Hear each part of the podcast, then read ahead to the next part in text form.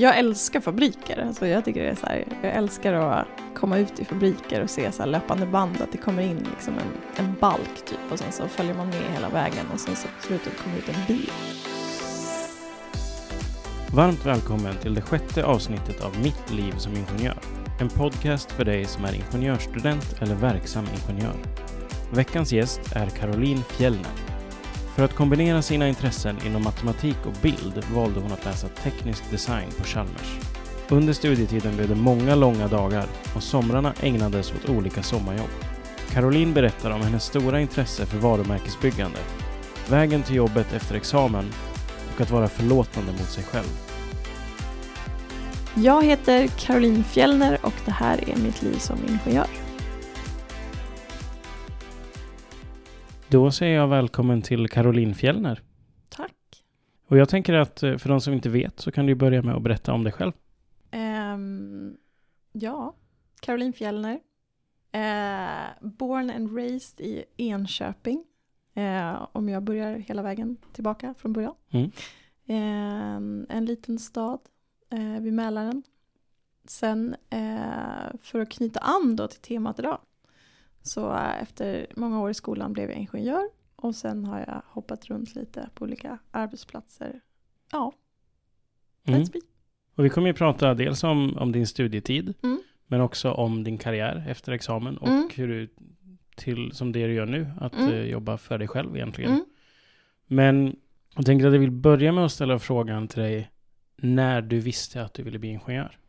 Oj, när jag visste att jag ville bli ingenjör. Ehm, jag visste nog inte att jag ville bli ingenjör förrän jag hittade den utbildningen som jag ville läsa, vilket var teknisk design på Chalmers i Göteborg.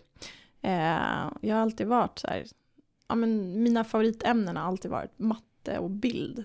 Jag tycker att det är så här fantastiskt roligt att skapa och men jag är också liksom väldigt analytisk och gillar att liksom klura och det är väl det som har varit mina två styrkor så jag har alltid varit så här gud vad ska man göra? Liksom. Mm. Jag, hade inget, jag kunde inte se att jag kunde kombinera de här på något sätt. Liksom. Och sen så var det sista året i, på gymnasiet så såg jag en artikel från Chalmers om den här nya utbildningen Mm. som skulle börja. Och då kände jag så här, men det är ju det enda jag kan läsa. Liksom. Och då var det Så självklart då, för och, då blev, och det var ju tydligen ingenjör. Ja. Så att, eh, då blev jag, då fick det bli det. Men ingången var liksom inte, jag vill bli ingenjör, vilken utbildning ska jag läsa? Utan snarare att jag fastnade för den här specifika utbildningen. Mm. Och fanns det några andra planer på bordet också? Eller var det, när du hade hittat den, var det självklart att det var det du skulle läsa då? Nej, det var faktiskt helt självklart. Mm. Det var väldigt självklart att jag ville läsa vidare. Eh, för att jag tyckte att det var ändå kul att plugga. Jag har aldrig varit så här drabbats av den här skoltröttheten. Jag har alltid tyckt det var kul med skolan. Mm. Eh, så att eh, jag visste att jag ville läsa vidare. Och så, ja som sagt, det var liksom den enda utbildningen som jag såg kombinerade det på ett bra sätt. Finns säkert fler, men eh, jag bara högg den första jag såg. Som Ja. kändes rätt. Liksom. Och vad tror du din drivkraft kommer ifrån? Jag vet inte, drivkraft vet jag inte, men jag, jag är nog en ganska nyfiken person. Jag har suttit många timmar på Wikipedia om man länkar sig vidare till massa obskyra ämnen. Liksom. Eh, jag har alltid varit väldigt nyfiken och tycker om att liksom spåna på nya idéer och har alltid haft så här massor av projekt. Liksom. Mm. Eh, även när jag var barn. Det var inte så här, jag är inte, inte de här alltså, de välkända entreprenörerna som har så här, jag startade mitt eget bolag när jag var åtta år och började sälja juice på skolan. Jag har inte gjort något sånt, men eh, snarare så här, ja men byggt upp världar i mitt rum och liksom, ja men Mm. så här, saker i huvudet liksom som jag vill få ut. Mm. Hur kommer det sig att det blev Chalmers? Var det för att den utbildningen bara fanns där för dig? Ja, det precis. Liksom... Då fanns den bara där. Ja. Eh, och sen startade en, en variant på den i, eh, på KTH. Eh, bara något år efteråt tror jag. Ja. Men det var nog tur att jag fastnade för den på Chalmers. För det var ja, men väldigt nyttigt då så här. Jag kände ju ingen i Göteborg verkligen. Eh, och ändå utsätta sig för det och så här. Stå där på Götaplatsen eller var man samlas alla nya studenter Mm. och bara så här känna sig jättelost Mm. och få etablera sig i en ny stad. det var verkligen karaktärsdanande. Mm. För det är en annan sak när man, jag, hade, jag tog ett sabbatsår efter gymnasiet och eh, eh, pluggade franska i Frankrike. Mm. Och, men då vet man ju att man inte ska vara kvar. Mm. Det är en helt andra spelregler då på något sätt. Ja. Medan när man liksom flyttar för att, som jag trodde då, så här, men jag kanske blir göteborgare, jag kanske bor där resten av mitt liv. Mm. Och då investerar man i det på ett annat sätt. Men den första känslan när du kom till, till Chalmers då, var det att du var lost? Ja, Ja. verkligen. Det var det. Hur länge höll, höll den känslan kvar? Eh, Länge. Har den släppt? Eh, inte riktigt. Jag är fortfarande ganska lost faktiskt. Eh, det jag har kommit fram till att det är ett, eh, det är ett okej tillstånd att vara lite lost. Då är man öppen för liksom, nya saker och nya idéer och sådär. Så att jag har blivit mer förlåtande mot mig själv Ja, det är i skönt. att ha var, känna mig lost. Men om vi stannar upp lite vid studietiden då. Mm. Vad tyckte du var karaktäristiskt för din studietid? Ja, men det var nog att det var som en liten familj, liksom den här utbildningen. Vi var 30 personer och då när jag började så hade det varit en årskull innan så vi var väl en ja, 50-60 då totalt kanske på programmet. Mm. Eh, och vi hade våra egna lokaler eh, med vårt eget kök, med våra liksom så här ritbord som vi satt vid och liksom många så här sena timmar liksom man var på skolan otroligt mycket. Mm. Och mycket så här schemalagd tid. De hade ju inte riktigt fått ordning kanske på exakt vilka liksom, kurser som skulle tillhöra den här utbildningen. Så det var otroligt mycket schemalagd tid som man spenderade många timmar i skolan. Jag minns någon så här, vi hade många projekt. Och det kunde man ju lägga ner mycket tid som helst på. Ja. Eh, någon kväll när jag cyklade hem så här supersent eh, genom Hagastaden och så eh, var det ett par som stod och så här hånglade i en hörn och var så lite onyktra och vände sig mot mig när jag kom cyklande och bara är inte det här livet? Och jag kom där på min cykel från Chalmers och bara fan I'm missing out on something kände jag. Men eh, samtidigt så var det ja men otroligt så här, det kan verkligen romantisera kring det Mm. nu när man satt där och man åt liksom havregrynsgröt till frukost, lunch och middag och var fattig och bara, ja, satt och byggde saker eller liksom ritade grejer och så. Det var roligt. Mm. Så, men studierna tog mycket tid. Mm. Men hann du med att göra någonting annat också under tiden? Ja, men jag var lite engagerad i eh, eh, bildandet av den nya sektionen eh, som för teknisk design. Först var Mm. det en del av maskins sektion. Eh, så då var det ju att etablera liksom, de olika funktionerna, så här, sexmästeriet och arbetsmarknadsföreningen och sådär. Mm. Eh, och då var jag ordförande för arbetsmarknadsföreningen och satt i den första Mm. styrelsen då. Eller styret kanske man sa. Det är viktigt det där med liksom the buzzwords märkte man ju på Chalmers för de olika liksom, funktionerna. Ja. Vad lärde du dig av det? Ja men delvis, eh, dels lärde jag mig att eh, agera projektledare. Det var det första liksom, skarpa testet, att man får ändå lägga upp en plan. Vad ska vi göra? Vad, vad ligger under vårt ansvarsområde och vad är det vi ska uppnå? Och göra det tillsammans med eh, de som var med i arbetet då. Eh, första gången jag hade liksom någon typ av uttalad ledarroll också.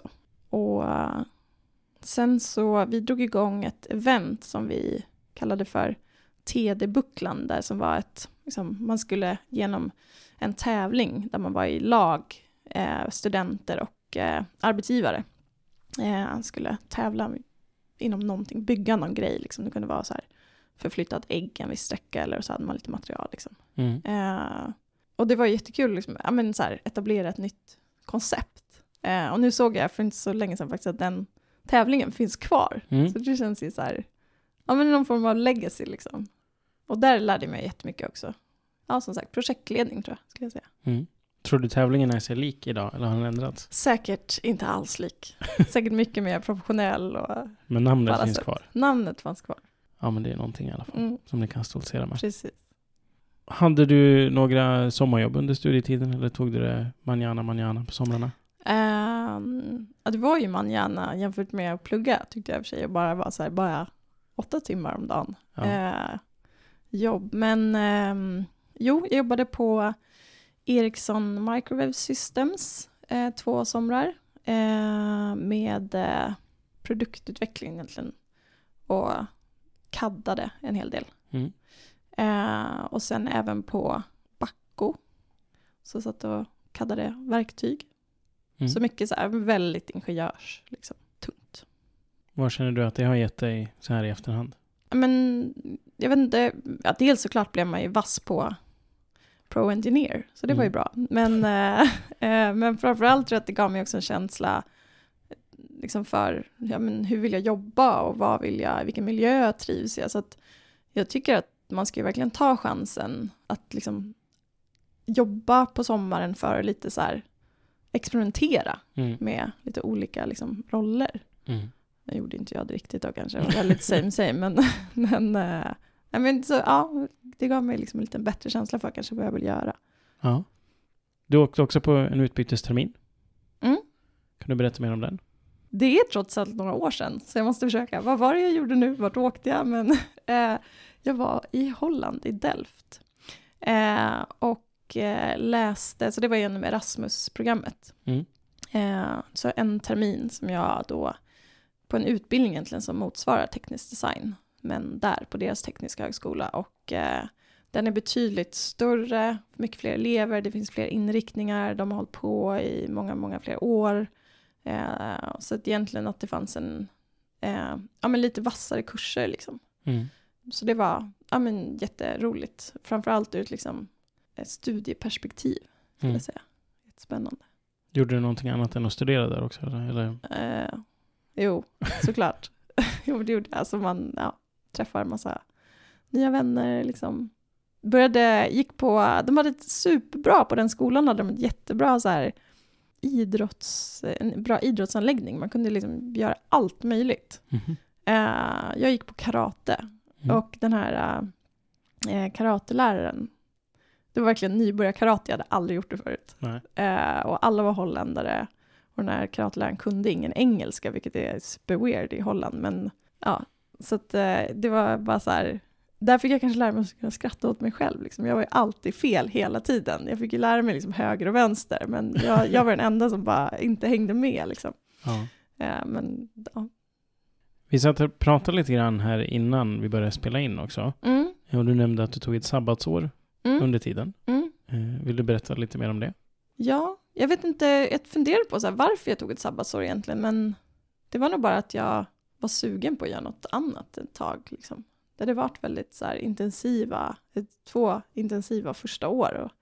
Och, och eh, ja, jag reste då första halvåret, eh, den så här klassiska turen i Sydostasien eh, med en kompis. Och det var ju ett jättehärligt break, liksom Mm. och göra någonting helt annat. Eh, få lite perspektiv. Liksom. Eh, och sen jobbade jag det andra halvåret i Stockholm. Så frukostvärdinna och, eh, och jobbade på ett eh, företag som heter Eletta Automation Mm. som jobbade, skap, byggde styrskåp ute i Mm. Fruängen. Eh, det var min så här, industripraktik. De, det var precis den årskullen tror jag som de tog bort det som, ett, som något obligatoriskt. Men jag minns att jag liksom, när jag började den här utbildningen tyckte att det var så himla bra att man skulle ha den här industripraktiken. Mm. Eh, så att jag hoppade på det. Det var min morfar som fixade det och han var så Ja. stolt över mig. han är också ingenjör så han var så här, och jag är eh, väl den enda ingenjören i familjen så han tyckte att det var så här att vi hade liksom ett special bond. Så. Ja. Han brukade alltid skicka brev till mig där det stod så här teknolog Caroline Fjellner.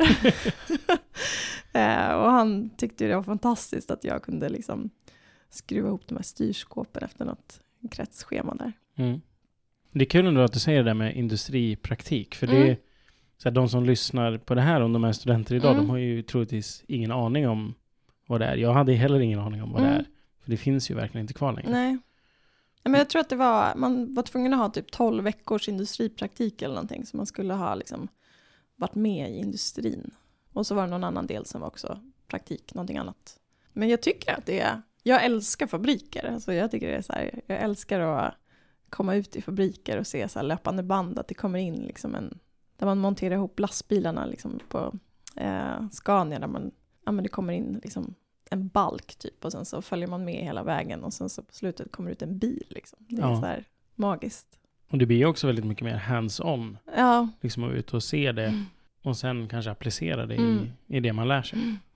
Ja, men det, det finns någonting så här mäktigt över det. Det är, det är så många timmar och så mycket kunskap liksom, som så kondenseras in i när man är i en fabrik på något sätt. Mm.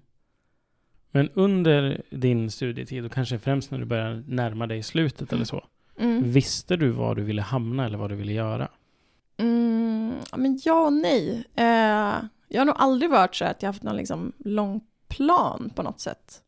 Eh, jag har aldrig liksom tänkt så långt fram i tiden. Eh, samtidigt visst hade jag ett jättestarkt intresse för design eh, och väldigt liksom den här strategiska delen av designen. Liksom vad, vad kommer först innan vi tar fram de här koncepten? Mm. Vad ska de baseras på? Vilken, vad är kravbilden? Mm. Liksom, vad, eh, vad är det människor vill ha? Eh, vad är liksom, behoven i den här eh, i den här kategorin och vad, hur måste vi, liksom, hur kan det här stärka oss som, eh, om- man är ett bolag som liksom tar fram en specifik produkt, hur kan den här produkten hjälpa oss att ta oss dit vi vill? Och, men jag tyckte alla de där, liksom, de här första liksom, stegen den väldigt, så här, eh, i den processen var jättekul.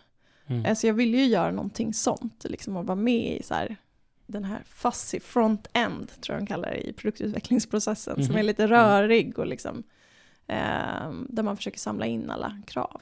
Och det var det som jag gjorde som, eh, ja, delvis i alla fall, eh, i mitt exjobb. Eh, Gjorde exjobb med en kursare och eh, för Saab. Eh, det känns så sorgligt nu liksom att de inte finns kvar riktigt. Mm.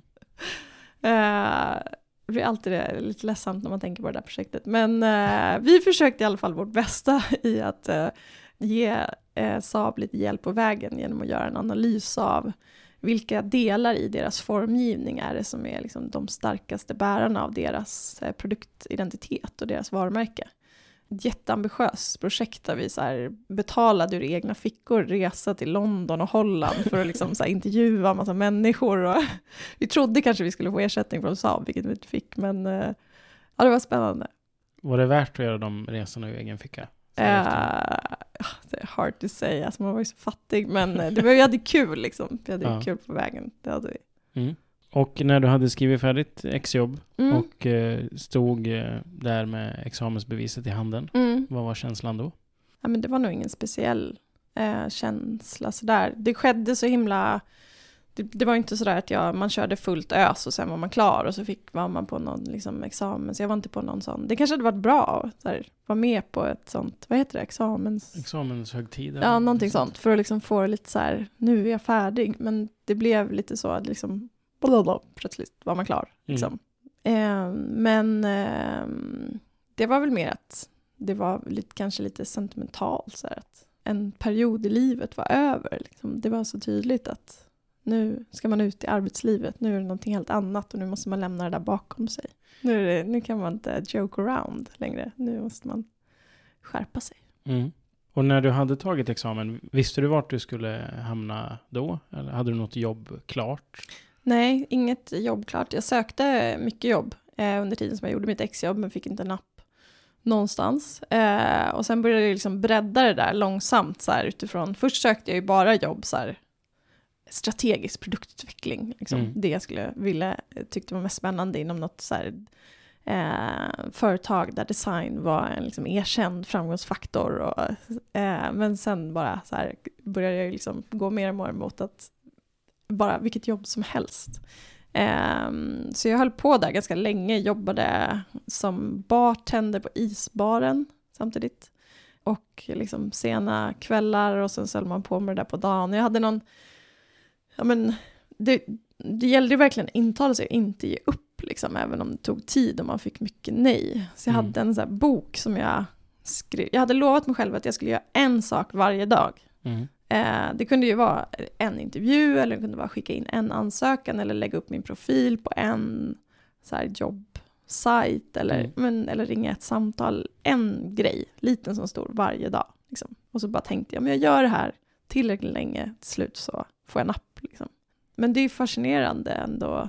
Det är så svårt. Liksom. Då, det var lite så här lågkonjunktur just då, så jag tror det fanns en stor osäkerhet hos arbetsgivare. Men det är svårt att vara nyexad och inte ha någon arbetslivserfarenhet. Och liksom, jag tror det spelar ingen roll liksom, hur bra är, eller duktig eller inte duktig man är. Liksom. Det är tufft. Eller Mm. upplevde jag i alla fall. Mm. Och vad, vad blev det första jobbet, så här, ingenjörsjobbet du hade efter examen? Eh, första jobbet var på ett eh, lite mindre konsultbolag som hette Xdin. Det slutade faktiskt med i mitt jobbsökande att jag erbjöd mina tjänster gratis för Xdin. Eh, så jag fick börja där, men fick lön. Så att, eh, det var, då kände jag mig verkligen lyckligt lottad. Ehm, så jag var där i några månader, men sen fick jag jobb på Accenture då kändes det kanske lite mer närmare vad jag sökte, även om inte det var liksom jag hade aldrig sett mig själv som en managementkonsult. Jag visste knappt vad en sån gjorde. Och det var ju caseintervjuer, kommer jag ihåg också, när man började där. Mm. Eh, Jag hade väl varit på någon sån innan, men det var inte den där liksom, ja men vissa har ju eh, verkligen så här case-träning eh, i Mm. skolan och jag var helt så här, jag hade aldrig stött på det tidigare, men jag är helt fascinerad att de anställde mig efter den, de casen jag gjorde, men eh, jag blev i alla fall anställd. och eh, var där i knappt två år på Accenture. Vad kände du att det gav dig? Vad gjorde du på Accenture till att börja med? Eh, jag jobbade mm, eh, managementkonsult, så väldigt mycket egentligen organisationsutveckling och förändringsarbete jobbade med. Mm. Och det var väl en sån där insikt liksom som jag fick. Det hade varit så himla, jag hade så stark identitet i att jag var liksom ingenjör och ehm, att det var så unikt och liksom versus andra utbildningar. Man hade liksom ja, men gått in i den känslan också. Flera år på Chalmers så blir det ju så lite grann. Mm. Ehm, men sen hamnade man ju liksom tillsammans med ekonomer och ingenjörer blandat om vartannat och det var så här, ja men det var ju knappt någon som, de frågade knappt om det på intervjun liksom. Eh, det var bara, ja men du har någon form av eh, utbildning, det är bra, eh, nu kör vi. Så att eh, det var lite, mm, ja det var väl så här antiklimax liksom. Mm. Men eh, jättespännande tid, superbra första jobb liksom. Mm. Eh, att kasta sig ut i verkligheten och egentligen kanske lite för utmanande uppgifter men man Man växer. push, ja men verkligen, det gjorde man. Det var ju så här en jobbig men rolig tid. Jag har nog aldrig haft så liksom, mycket ångest som när jag jobbade där. Ja. ja, Men passade det dig bra att vara konsult? Ja, eh, det passar mig väldigt bra att vara konsult utifrån liksom att man eh, får ställas inför så här, nya situationer och eh, man måste lära känna kanske en ny kategori eller en ny bransch ganska snabbt. Och jag gillar ju alla delar kring att liksom samarbeta med an- olika typer av människor och det, det med, man får ju möta alla typer när man jobbar som konsult. Mm. Att man liksom jobbar ofta tvärfunktionellt och så det, det trivs jag jättebra med. Så det känns väldigt rätt. Liksom. Men efter du hade varit på Accenture i nästan två år Mm, så gick du till Scania. precis. Hur kommer det sig? Eh, nej men det dök upp en, eh, jag blev kontaktad genom en bekant om ett jobb där eh, som handlade om eh, strategisk design. Eh, som ju, ja men kan man säga, det handlade väldigt mycket om att liksom, se till att man inte bara utvecklar en eh, lastbil vilken som helst, utan att man i alla avseenden, i alla produktutvecklingsprojekt ut, utvecklar någonting som är Scania.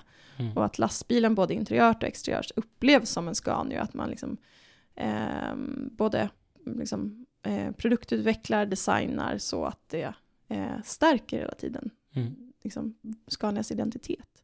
Eh, och det var ju en sån drömjobb. Liksom. Det var precis det jag hade gjort som mitt exjobb. Och det kändes eh, ja, men helt rätt verkligen. Det var ju precis den profilen jag hade. Eh, och fick jättebra liksom, eh, synk med Torkel som var designchef där på eh, Scania. Så det kändes så här, ja det var verkligen, det kändes som att det var, det var bara att köra. Jag hade kanske inte tänkt att jag skulle sluta på Accenture, eh, men det var givet liksom att byta. Mm. Jag fick den chansen. Och vad känner du att du har fått ut mest av att vara på den tjänsten? Blivit lite hårdhudad kanske. Ja. Nej, men dels tror jag att det är jättelärorikt när man har jobbat som konsult att få jobba i linjen, för det man, man blir väldigt ödmjuk inför liksom, hur det faktiskt fungerar på ett riktigt bolag, liksom, vilka processer som finns och Mm. Det är lätt att bygga upp en där låtsasvärld som konsult som bara finns i en powerpoint, liksom, men där man inte riktigt tar hänsyn till liksom, jag vet inte, begränsande faktorer liksom, Ja. som ändå kommer av att eh, du måste göra en massa andra saker parallellt som inte bara handlar om det här projektet. Eh, så det var ju väldigt lärorikt. Liksom. Eh, och just att det var ett storbolag liksom, och få, få se hur det går till. Liksom få lära sig hur det är att jobba där det är väldigt ingenjörsdrivet också. Mm. För det kan man ju säga att Scania är i sin helhet. Liksom. Ja, verkligen. Och det är, det är en, en sån stolthet liksom, i produkten som var fin liksom, att få en del av. Mm. Ja. Och du var på Scania i ungefär två år också, Mm, precis. innan du gick vidare från det. Ja. Vad hamnade du då? Gud, jag låter som världens sån här hopp eh, som bara byter jobb hela tiden. Men eh, Det är väl ganska vanligt? jo, det, Alltså- det är väl det, precis. Eh, nej, men det var, det var jättelärorikt och eh, spännande som jobb på Scania. Men sen var det ganska tufft också att vara ung eh, tjej och jobba tvärfunktionellt i en organisation med en fråga som ingen, eller ingen var det absolut inte, men många inte tyckte var sådär jätteviktig. Liksom. Mm. Det var svårt för mig att eh, ha liksom, en argumentation med någon som är ansvarig för typ eh, engine power och liksom, ja men det här med designen. Eh, men det var, det kunde vara, jag kanske inte alltid var så här helt rustad på det sätt som jag hade behövt vara för att kunna liksom driva det. Ehm, så eh, efter att ha gjort en massa spännande projekt där så bytte jag till, tillbaks till konsultlivet. Mm. Men på en lite mindre byrå, Lynxeye, där eh, de är, mm, jobbar primärt bara med varumärkesutveckling. Utveckling. Och så här, i ditt dagliga arbete där, vad gjorde Mm. du för någonting då? Eh, I mitt dagliga arbete, ja. Eh, ja men det var ganska stor skillnad i, man säger på Accenture så var det ofta lite längre projekt, man var mycket mer hos kunden. Medan på Lynxeye var det liksom kortare projekt och man liksom kunde ha liksom specifika workshops där man träffade kunden i vissa liksom faser av projektet. Men primärt så eh, var det lite kortare sprintar. Liksom. Men det var ja, men, allt möjligt. Jag gjorde Eh, gjort många projekt eh, för Lantmännen bland annat och deras eh, liksom konsumentprodukter. Eh, korv, jag jobbade en del med chark, eh, sprit eh, och eh, bilar. Mm. Så då handlar det om att egentligen lära känna en, den kategorin som det varumärket man jobbar med verkar inom. Eh, förstå liksom konsumenttrender inom den kategorin, förstå vad är det som driver människor, vad har de för utmaningar, vad är det man, på vilket sätt kan den här, det här varumärket eller den här produkten liksom lösa deras vardag eller liv eller göra det bättre på något sätt. Mm. Eh, och sen att, så mycket research egentligen. Eh, med hjälp av då researchbyråer så gjorde vi liksom, ja, stora kvantitativa studier liksom på marknader för att förstå eh, drivkrafter. Och sen att ta fram då en position utifrån det. Här finns en, liksom, här finns en plats, här finns det någonting som det här varumärket kan erbjuda. Mm. Och sen se till att man tar ut det i alla, i alla touchpoints med konsumenten eller kunden. Så då är det ju allt ifrån liksom marknadsföring till produktutveckling eller eh, interna organisationen om den behöver förändras på något sätt, kultur och värderingar. Och, så det handlar egentligen om ja, ett väldigt tvärfunktionellt arbete egentligen. Det blir, ofta när man säger varumärke så tänker folk liksom på eh, ja, men bara det som syns, reklam kanske. Mm. Eh, men varumärket så som vi jobbade med det så var det ju verkligen kärnan i verksamheten. Liksom, Mm. skulle lead the way lite grann för eh, vart det här bolaget var på väg. Var det det du kände att du ville göra? Mm. Ja men det var, det var kul. Jag, jag gillar ju det här med att här, gräva ner mig i liksom, med nya områden och det fick man verkligen göra. Och liksom ta reda på allt inom ett visst ämne och försöka förstå det och försöka jag tycker om att liksom få ut så stora dataset och så ska man hitta liksom några samband i det här. Och det var en spännande kombination av liksom kreativt men också analytiskt. Så Mm. på det sättet så gick det ju väldigt liksom, hand i hand med det som, ja, men som jag upplevde när jag pluggade och det jag tyckte var kul. Liksom. Sen så eh, man gjorde man många slides. Jag har gjort eh, kanske en miljon slides i mina dagar. Så man kan väcka dig egentligen mitt i natten Ja, och ja. dig göra lite slides och. Absolut. Ja. Härligt. Vi har ju pratat mycket nu om vad du har gjort fram tills du blev egenföretagare. Mm. Och fram till det, vad, vad har du letat efter när du har sökt jobb? Vad har varit viktigt för dig? Mm, ja, att jag ska hamna i en miljö där jag trivs. Som sagt, jag har inte något så förhållande till begreppet så karriär. Eller att jag har haft någon här femårsplan på något sätt, utan jag har bara försökt söka liksom, miljöer där det finns härliga människor egentligen och där det finns eh, någonstans där, ja men mina, min, e, mina egenskaper, mina styrkor liksom kan, kan komma till godo. Hur vet man att det finns sköna människor på ett företag som man inte har börjat jobba på än? Eh, ja, det är svårt, det vet man inte. Man kanske Nej, kan få en indikation. Precis, Nej, men jag tycker att, eh, att man försöker att träffa så många som möjligt. Alltså det är ju alltid så att en arbetsgivare tar liksom referenser på en arbetstagare som söker jobb, men man kan ju lika gärna vända på det där och höra av sig, liksom, tycker jag, till framtida kollegor och höra hur det är att jobba där. Och, för det, det, det, är mycket som kan vara, liksom, se väldigt bra ut på pappret, men sen är det ju ändå liksom, hur är kulturen och får jag möjlighet att jobba på det sätt som passar mig och det jag drivs av. Liksom. Mm. Så jag ändå ja, men jag har sökt mig liksom till miljöer där det har funnits en, så här, en kreativ eh, anda, eh, där man har fått liksom, till viss del lite lekfull, liksom, där man får vara en modig och där bolag som vågar liksom, eh, gå framåt och eh, en öppenhet. Öppenhet är otroligt viktigt för mig, att det finns en så här, man, det handlar ju både om att man är öppen som i att man lyssnar på varandra, men också liksom öppen för nya möjligheter, att man är öppen mot eh, vad som händer i branschen, att man inte är liksom, ja, men den här berömda liksom square, man mm. tar sig utanför den. Liksom. Och det vissa kulturer har där bara. Och där, där vill jag vara. Mm. Och du jobbade ju då kvar på Lynxeye till mitten på 2014 ungefär. Mm. Och det var väl egentligen slutet på, på din karriär, om man ska säga, som anställd. Ja, jag tänkte säga, det var slut på min karriär. Men för därefter så har du ju dels jobbat lite på egen hand med mm. brand management, mm. men också startat ett eget företag. Mm. Kan du berätta lite mer om det? Kanske? Mm. Ja men absolut. Nej, men på sätt och vis var det nog lite slutet på min karriär kan man säga, för att jag, ja, men jag hade så här, eh, man ville ju ändå, när jag höll på att söka jobb där, man ville ha ett bra jobb liksom det är klart att slå, det är svårt att slå sig fri från liksom det här med ja, men att man ändå ska få liksom någon viss status. Att så här, eh, det tror jag alla människor mer eller mindre liksom påverkas av.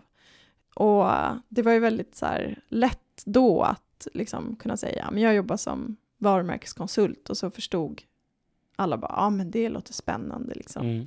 Men sen när jag slutade där, jag frilansade i och för sig ganska länge som varumärkeskonsult också, men sen när jag hade slutat med det, då var man ju bara helt off the chart liksom. Så här, jag vet inte riktigt vad jag gör, håller på med något eget företag. Alltså det var, då kände jag verkligen att jag rörde mig ut på liksom, tunn is mm. på något sätt. Men det kändes ändå, jag hade ändå någon trygghet i att så här, ja, men, går allt åt helvete så får jag väl bara söka jobb igen. Liksom. Något borde man kunna hitta. Mm. Men vad är det för något du gör idag då? Ja, vad är det jag gör? Eh, precis. Nej, men, eh, så först var jag egenföretagare på det sättet att jag eh, jobbade som egen eh, varumärkeskonsult eh, ett tag. Eh, men sen parallellt där så drog jag igång ett projekt tillsammans med en tidigare, eh, en, eller en kompis egentligen från Accenture. Vi hade lärt känna varandra på Accenture, vi var i samma startgrupp då så vi började samtidigt. Mm. Och eh, vi hade liksom connectat kring det här med att liksom spåna så nya idéer. Så vi har alltid hållit på haft massa projekt liksom genom åren. Vi har byggt någon så här superavancerad restaurangguide med hjälp av segmenteringar och massa alldeles för avancerad.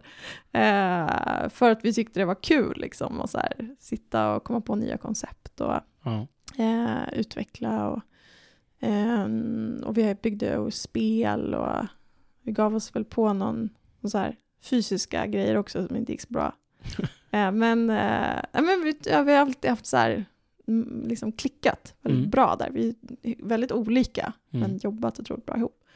Eh, och sen så var det, båda hade nog liksom, mm, ja men på, från, från olika perspektiv eh, varit ganska frustrerade med, liksom, ja men just det med att det är så svårt att så här, jobba med förändring i organisationer.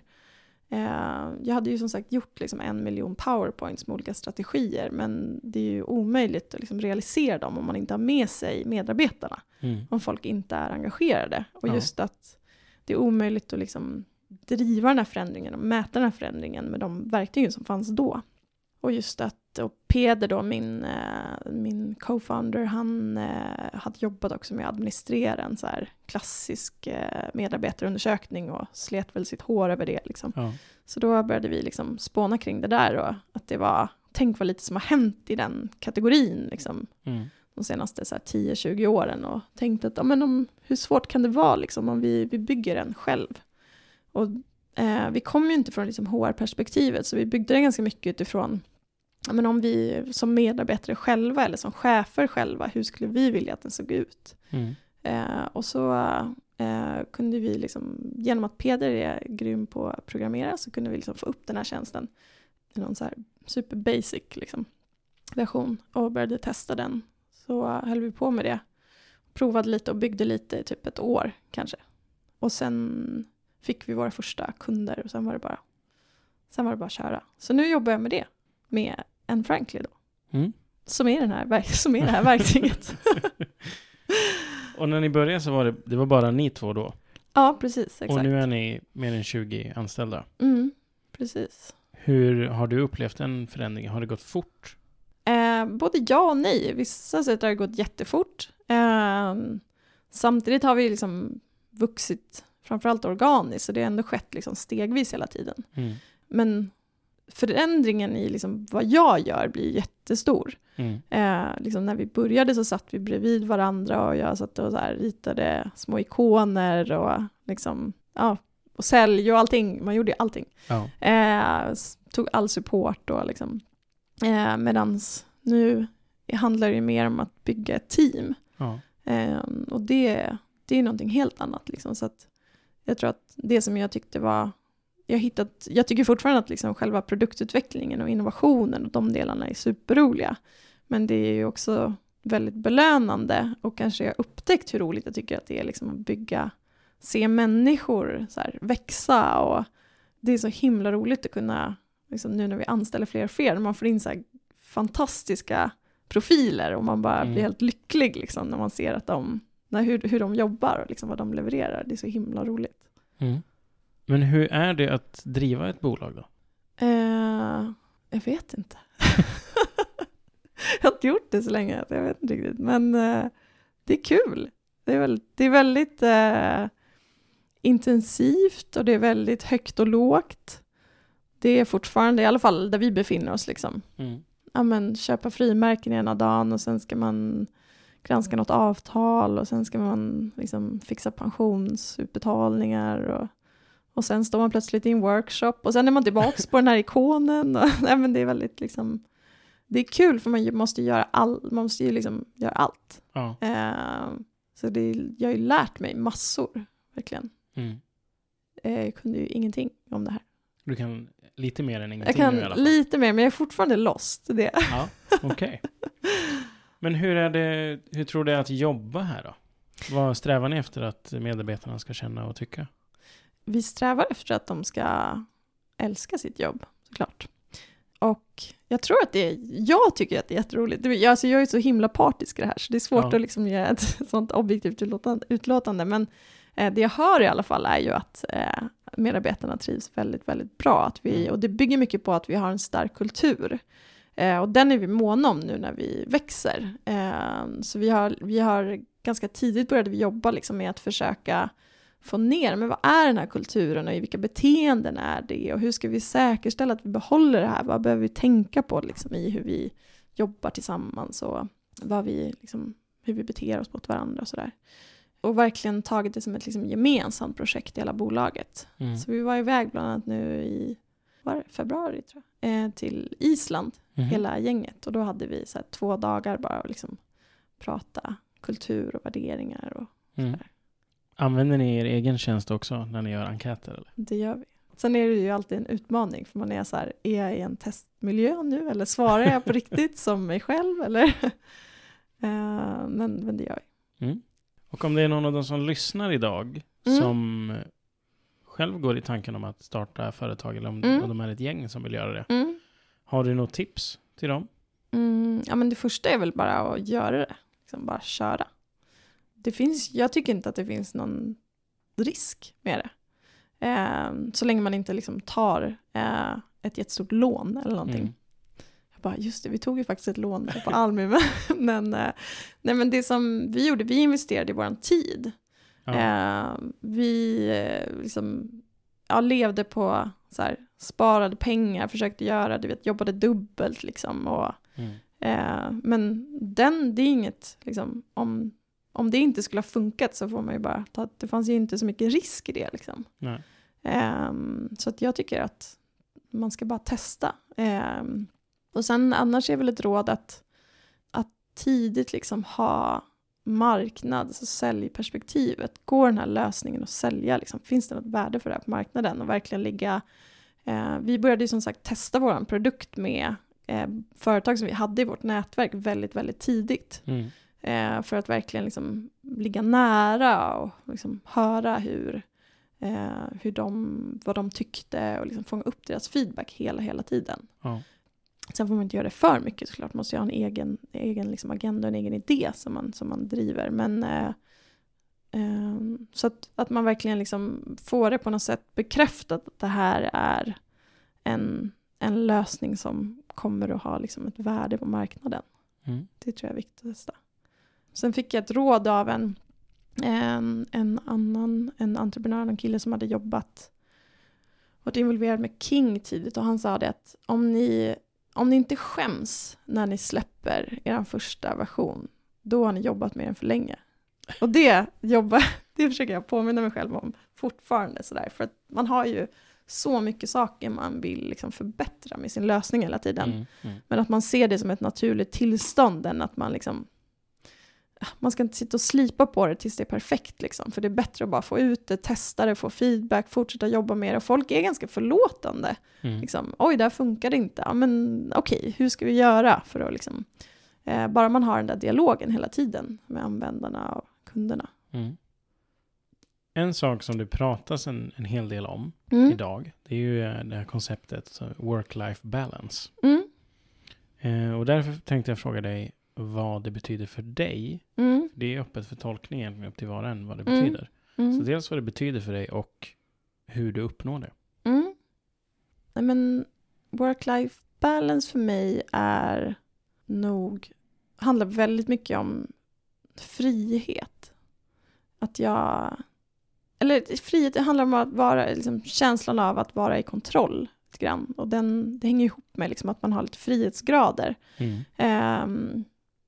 Så det är mycket att man ändå, att det finns en, det, jag, tänker, jag tycker att det hänger ihop väldigt mycket om det här med, som man pratar om på arbetsplats med autonomi, att man har möjlighet att liksom på något sätt planera sin egen tid, att, jag kan, att man har ett viss möjlighet att bestämma liksom, hur vill jag utföra de här arbetsuppgifterna, hur ska jag prioritera och liksom att man känner att man är i kontroll över sina, sina arbetsuppgifter. Mm. Ehm, för mig är det liksom en förutsättning för att jag ska sen kunna vara här, i balans när jag är ledig. För att det handlar inte så mycket om exakta i tid för mig, work-life balance, utan det är liksom hur mycket stresspåslag jag har i den arbetsmiljön jag är i. Även om jag bara skulle jobba liksom exakt 40 timmar i veckan, men de 40 timmarna innebar massa negativ stress, Mm. så skulle det ju vara liksom inte, jag skulle inte palla ha någon ork kvar liksom, Nej. när jag kom hem från jobbet. Så jag kan i perioder jobba väldigt mycket, men då handlar det fortfarande om att jag känner att jag liksom är on a, liksom, har en bra flow och jag känner att det är jag som, det är jag som sitter i framsätet. Liksom. Det är jag som Mm. styr det här. Och jag kan, jag vet att jag kan bromsa in om jag behöver det. Ehm, till skillnad från ibland när man känner sig så maktlös och man liksom, ja, det är någon annan som sätter agendan.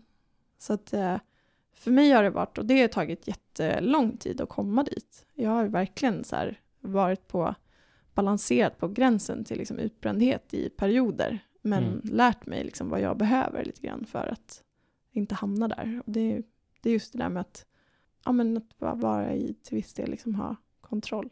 Det är lätt sagt nu när jag driver eget företag. um, mm. Ja men ett annat, eh, eh, jag ska kanske inte kalla det råd, för det funkar kanske bara på mig, men jag försöker att också ha perioder där jag verkligen, eller bara stunder av tristess. För då, då blir man verkligen liksom, eh, då tvingas man så här backa liksom och bara, men vänta nu, vad är det jag vill liksom? När man inte har, man har ingen man kan ringa, man har inget man kan hitta på, så här, total, eller just att här, det är svårt att komma dit när liksom hela, man, helst ska man ju ha liksom länsat sin to-do-lista och bara, gud vad ska jag sätta tänderna i nu? Det är liksom mm. den perfekta känslan, för då måste man verkligen fundera över vad är det som är viktigt just nu, man tvingas liksom få ett lite större perspektiv. Liksom. Mm. Så där försöker jag hamna ganska ofta. Så här. Tristess. ja, det är en, spännande sak att sikta efter. Ja, ja. Men det eh, säkert, säkert, finns det något bättre sätt att beskriva det på, jag vet inte. Men ja, det är ett, eh, tillstånd som ändå är, brukar leda till någonting väldigt positivt. Men har du mycket så här, rutiner som hjälper dig att uh, hålla dig i schack eller är du bara spontan hela tiden? Mm. Nej, inte så mycket. Alltså, det är så klassiska liksom att jag försöker träna. jag går på yoga ibland. Nej men jag, det är väl sådär som är, tycker jag, jätteklassiska råd men som funkar. Liksom. Mm. Uh, sen har jag lyssnat ganska mycket på ljudböcker faktiskt. Förut lyssnade jag jämt på musik. Men märkte att jag liksom, och framförallt då kanske när, om jag tog en promenad till från jobbet så här, men mm. då kunde jag fortfarande gå och lyssna på den där musiken men gå och typ älta grejer om jobbet. Men att det har gett så bra så här, avkoppling, liksom, att lyssna på en ljudbok, för då kan man tänka på något annat. Liksom. Eller vad man nu, man kan lyssna på podcast. Det kan man göra, har jag hört. Precis. Och vi var inne lite på det här tidigare, begreppet karriär. Mm. Betyder det någonting för dig?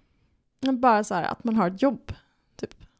Skulle jag säga. Ja, karriär. Det är så här, karriär, det är väl en beskrivning av så här, vad man gör när man jobbar. Men eh, men jag tycker inte idag att karriär nödvändigtvis behöver betyda så här, han har gjort karriär eller hon har gjort karriär, att det betyder att man liksom har, eh, ska ha klättrat i någon form av hierarkisk struktur, liksom, för att det ser inte ut så idag längre. Så att eh, det är bara någon form av liksom, historieskrivning. Hur mm. har din karriär varit? Kan det ha varit zigzag eller upp och ner, fram och tillbaka? Liksom? Mm. Och jag tänkte innan vi avslutar här så um, tänkte jag att jag ska slänga lite påståenden på dig. Mm. Som du sen får fortsätta på mm. precis som du vill. Okej. Okay. Då börjar vi med mitt bästa Chalmersminne är? Mm, oj. Uh, they are so many. Häromdagen fick jag faktiskt uh, illustrera hur bra jag var på att uh, häva öl. Det låter ju super liksom, stereotypt men nu, det kanske inte är mitt bästa minne, men det var det närmaste minnet just nu. Jag blev utmanad på krogen.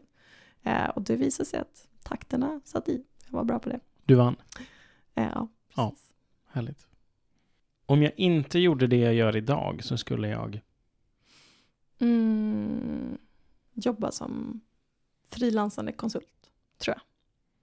Kanske. Mm. En person jag ser upp till är? Eh, Ja, person jag ser upp till. Jag ser upp till eh, Peder, min medgrundare, väldigt mycket. Vi är ett sånt bra team liksom. Och det, jag ser upp till honom att han står ut med mig och har gjort det i alla de här åren. han är otroligt duktig. Det är jättekul och att eh, det skulle jag säga som ett råd också om man känner för att starta eget. Att, att ändå göra det med någon. Jag hade aldrig klarat att göra det själv, tror jag. Att liksom ändå ha någon hela tiden att bolla med liksom. Mm. Eh, sina tankar och idéer. Och när någon att fira med och någon att så här, eh, gråta med när det går dåligt. Och, eh, det, det, hjälper till otroligt mycket. Mm. Och absolut sist. Mm. Om du får gå tillbaks till när du var student, mm. men med den kunskapen du har idag. Mm. Vad skulle du säga till Caroline då? Vad skulle du ge för mm. tips? Ja men då skulle jag bara ta det lugnt. Alltså, allt löser sig. Man inte ska oroa sig så mycket. det finns inget att oroa sig för. Tack för att du har lyssnat på veckans avsnitt av Mitt liv som ingenjör. Om du gillade det du hörde så prenumerera gärna på podden. Följ oss också gärna på Facebook och Instagram. Nästa vecka träffar jag Tobias Porserud, KTH-ingenjören som trodde han skulle jobba med molekyler men istället började jobba med människor. Han berättar bland annat om sommaren på Yale som blev ett uppvaknande och att det inte behöver vara positivt att hålla alla dörrar öppna.